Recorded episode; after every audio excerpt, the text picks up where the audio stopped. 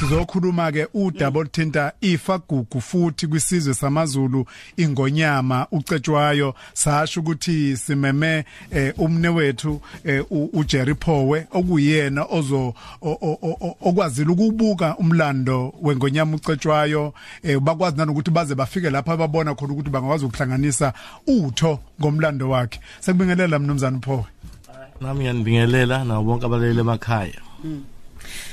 eh sithokoza kakhulu ukuthi eh, ube ingxenye yendiza nathi ohlelweni. Eh kusithokozisa ngendlela eyisimangaliso ukuthi ube futhi la ukhosini FM nanokuthi nathi kungena emlandweni ukuthi sikwazile ukuthi sike sikhulume nawe.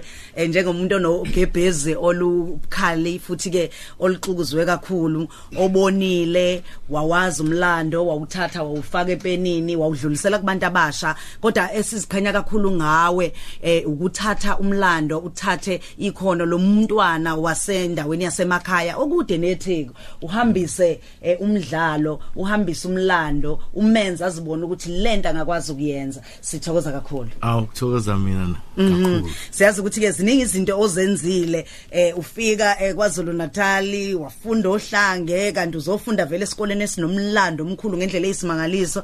Eh kushuthi lokhu kwesa kwakungena emzweni yakho kwakungena egazini. Kwangena kakhulu ngoba phela mawufunda ohlange kula khona gwinya khona umlando ngempela. Eh sithi kusondela nje kancane eh, kwi mic yethu kancane ya ya sekungcono ke manje. Ehe. Ya angibengisho ukuthi uma ufunda ohlange usuke uyizebra mm. isikolo sokuqala lesi sakhiwa umuntu omnyama. Yep so eh umlando ngempela mongawuhabulanga lapho usuke eh mm. uncishiwe kini. Mm, mm uyabo ukhetha gwala esisebenza naye uLady D ebaningi nje abafunda ohlange. Eh, uyababona amagalelo abo ukuthi la abakhona kuyekuthiwe bayacobezela noma baqhakazile. Eh hayi uqinisile ngoba ukhetha wafika nje umfana omncane lapha kumina ohlange. Wafika sengihamba mina. Mm. esibutubutwana nje. Kodwa manje hayi yilo yikho ibiza ngosithutha sangempela mfana kagogo. Hey. Cha kulungile kodwa namhlanje sithi nje kulwesine eh, lwemndeni ake sibheke nje ifagugu lethu ke eh, eh, ingonyama ke ucetshwayo kampande. Siyamazi ngomlando wakhe omuhle sike sizwe ngawo kodwa namhlanje siyafisa ukuthi ke kube uwena owuvulayo ngoba siyezwa eboshwa siyezwa ebhekana nendlovukazi yase yasengilandi izingene esikhathini. Kanti kwakuumuntu onjani lo? Eh inkosi ucetshwa wawumuntu owayenesibindi enesithunzi futhi. Eh kodwa futhi enobuqhawe obuyisimanga ngoba eh akekho emlandweni owake wahlula amangisi empini. Kwahluleka ngisho oFrance kwahluleka kwahluleka ngisho oNapoleon Bonaparte. Ukuhlula amangisi kodwa uyena isilucetshwa wakwazi ukwanqoba amangisi ewanqoba ngobuhlakani.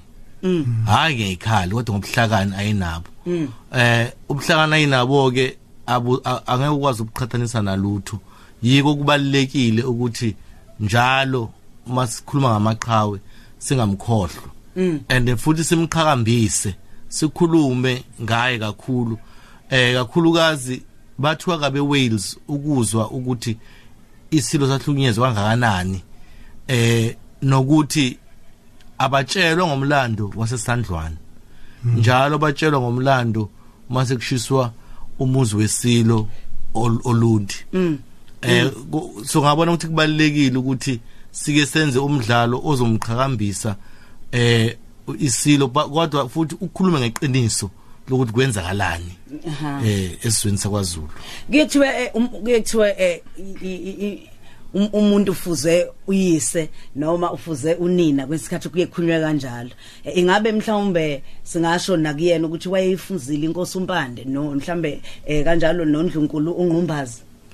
Wayifuzile inkosi umpande kodwa wayisuba ngaphezulu kwakhe umpande. Eh ngoba mawuthola umlando uyathola ukuthi umpande wahlala kwaze kwayisikhathi esidlulayo ukuthi angabuswa zaba mdala eh wase ebanako lokudideka ebona ngendlela ucetshwayo owaye qhakambe ngayo. Eh ukuthi mhlawumbe akuthatha umfowabo ucetshwayo. Kodwa ke i akuzange kwenze ngoba kwaba yisiprofeti ukuthi inkosi eyobuso oyena ucetshwayo. Wakukhumbula umpande lokho nokuthi futhi wayeseke wawatshela amangisi ukuthi umbonisa ubona ukuthi ubani oyophatha ukhomba kuyena ucetshwayo. So uh ucetshwa wayemfuzile umpande ukuthi umpande ke yena waye isilo esasingakuthanda umsindo nhlobo. Eh naye njalo isilo ucetshwa hayi ukuthi kwakuyisiqhwaga kodwa amangisi amhlokoloza amhlokoloza kwaze kwanzima ukuthi awabekezelele. Mm. Mhla kushiswa isigodlo em kwakwenze njani mhla ka 4 July? Eh angithi wayesewashayile inkosi ucetshwa amangisi esandlwana mm. So amangisi abona ukuthi eh awangeke a akwamukela ukushaya kwawo. Asehamba emlandela ke emfuna yonke indawo. Eh uma wafika emzini waso isilo asikho isilo. Eh sicashile ehlathini. Asayawushisa kumuzi wakhe. Mm. Awushisa nje isilo asikho kuwona. Isilo yiko namhlanje kuthiwa undo limahlikihliki ngoba bawushisa wamahlikihliki umuzi we wesilo. Mm. Befuna ukuyiphindiselela njalo. Ekutheni bahlulwa. Empini. Mm. Mm. Oh ingakho kusho ukuthi siyesizwe eh, abadala bethu nabaholi bethu eh besho ukuthi usuku lokuzila. Usuku lokuzila lolo. Eh nokuthi phela abantu abaningi abazi ukuthi alikho igama lethu ulundi. Wundi eh abelungu basibethu ulundi ngoba bengakwazi ukupronounce so wasebathi ulundi kodwa undi. Khona ngokwegama lakhona unda kulona ulundi. Shufanele ngabe kungenile ke kulamagama alungiswayo. Um Siyathemba sikhuluma ngayo nje uzolo no, professor uShawu ngubane siwabuka amagama anjalo. Eh fanele fanele lingene impela ngoba hayi into ulunda yikho. Mm. Yiko kuthiwa kusondini. Akuthiwa kusolundini kuthiwa kusondini. Mhlambe mhlambe si si si- singa singaqede singazange sidlule ngoba ngikuzwile ngesikhathi uthi umlando mangisi kakhulu ababebhala umlando babhala kuphela ngalesi sikhathi sekushisa umuzi wengonyama. I kodwa bangawuthinta umlando wasesandlwane ngiyacela uthinte kancane ukuthi uma sikhuluma ngalo ngalo- ngalowo mlando kafushane nje sikhuluma nga- ngamapha amava engonyama ucetshwayo? Eh sikhuluma ukuthi ucetshwayo lapho wafika nendlela yokuhlasela engajwayelekile. Ngendlela yawadida yawaqeda mangisi mm. Eh ngoba wenza izimpondo eh okwenza ukuthi amangisi athi avula amehlo athola ukuthi sewazungeziwe sewaphakathi kwawuzulu. Mm. Nokuthi eh kwasiza ukuthi phambili afake ibutho elincane elalinamali lokwazi ukugijima. Amangisi ke ayenake lelo butho leli ligijimayo engazi ukuthi akhona amanye amabutho a acuthile la emaceleni. Mm. Eh ok- okwenza ukuthi adideke amangisi ngoba aqhamuke sesiqedile ngalaba babe bathi vumbu oh wasebenzisa ukumisa Ehhe. kwe- kwe- kwe- kwenkunzi. Selikumisa kwenkunzi yes. Ah, ngiyabona. yiko kuthiwa buffalo horns. Aha. Eh ngoba wasebenzisa ukumisa kwenkunzi. So amangisi bona ayicabanga ukuthi babuya lapha nendawo bengathi kuna kunabanye abasemaceleni. Abagijima Ab- emaceleni abagijima emaceleni. Isitha abayilandela- basivalela phakathi. basivalela phakathi. bas- bas- basimboza basimboza ngeqwa kwa- kwa- kwa- zam- zamoka Ku- kuthiwa ngalolo suku yathi miphela impi kwathula kwathi nya ngoba hayi lasebenza iqwa uyahleka lapho uzibuma Lasebenza ukuthi zamo- ikho. ukuthi uma ngithi zamoka isho isho balala lamazolo ah endodeni kwakunzima. Ehhe. kwakunzima Kwa- kwakunzima. kwaphela isingisi. Kwaphela isingisi. Abaleka amangisi. Aha abaleka kukhona la alwa kwaze kwafika ekugcineni. Kwabonakala ukuthi kodwa hayi ufikile uzulu akapheli basho njalo nje uyahuba bayahuba bashizaga babizwe babamkhulu ngoba lo o- o- o- owathi kuona seyishisa ngempela inhlava mangise seyidedela athi uyahlehla wathi hayi akashongo njalo kandaba. Ucetshwa azange athi nobaleka shonani khona. Ngiyakhumbula ngathi untshingwayo kamahole Eh, Khoza. untshingwayo kaMahole. Le- eh, kamahole khona. Eh. eh ubuthi uyangena uLady D emlandweni ngoba Ah, kwakuntshingwa- uyangena uLady D. eh kwakuntshingwayo kamahole khoza loyo. Ah kwakuyiqhawe elikhulu kabi. Owathi emgungu ndlova Akashongo kashongo njalo kandaba. Wawe apho ungaphethe sipha emgungu ndlova kashongo njalo kandaba.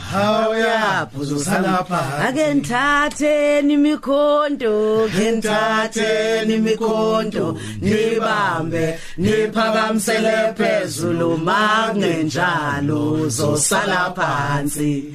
Wawe apho ungaphethe siphamu akashongo njalo kandaba. Uyapho uzosala phansi. Emgungu ndlovu akashongo njalo kandaba. Uyapho ungaphethe emgungu ndlovu akashongo njalo kandaba. Uyapho uzosala phansi. Ake nithatheni imikhonto ke nithatheni imikhonto nibambe niphakamisele phezulu. Mangenjalo uzosala phansi ake nithatheni imikhonto nithatheni imikhonto nibambe niphakamisele phezulu. Mangenjalo uzosala phansi. Awu hey madoda. Nebhesi yami esihosha eh ungayivumisa. U- u- u- usuyivumisile insizwa wayivumisa nje impela zigcwele la e-studio. Eh, a- asiphothuleni ngane zakwethu ngenxa yesikhathi.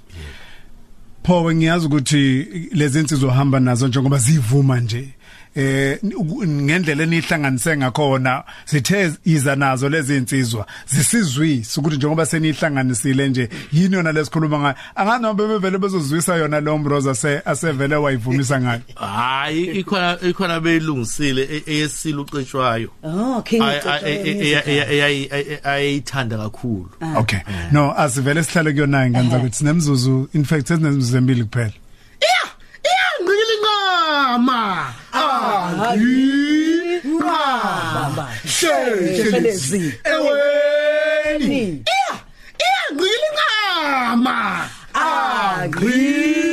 Mama. shelezi eweni salithatha ngemkonto endondasuka yempini empini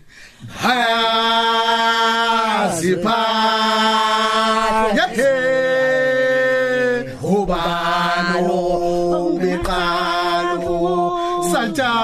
sathathe kuseni zipha yakhe ubalo beqalo sathathe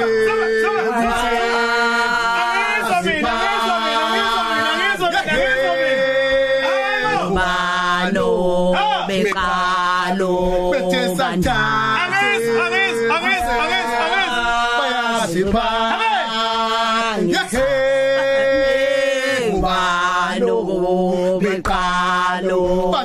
bathi sathathe Baya siba.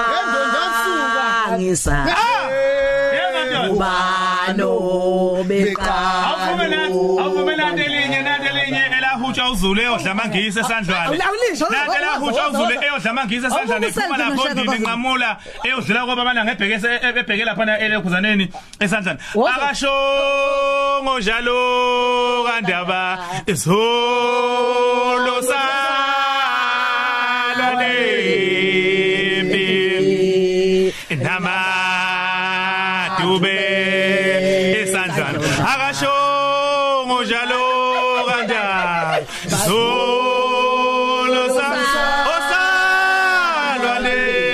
onembe namadube esandlwana hamangesi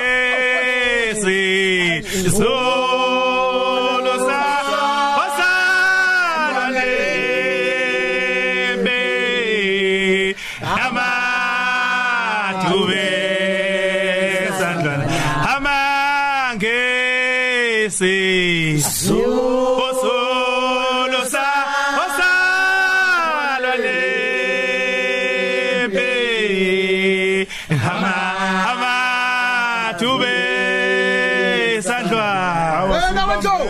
Wena ngane. wena wendlovu Wena wendlovu. wena wendlovu Ayede.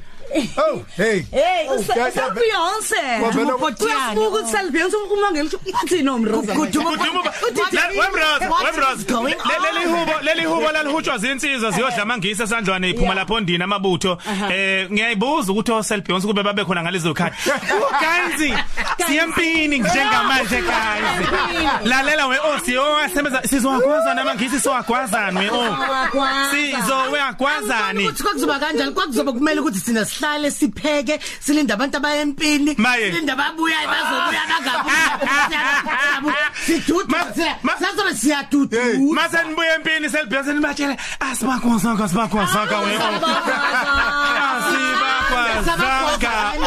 Lindele osavele sabashaya ngebuffalo. Hayibo lalela sivese qhamuka besalele sapenzani Weza uSelbi emkhungundla akasonga njalo kanjalo. Asibambeni bafowethu. Eh asi- asi- asibambeni. right here on Mkosi FM.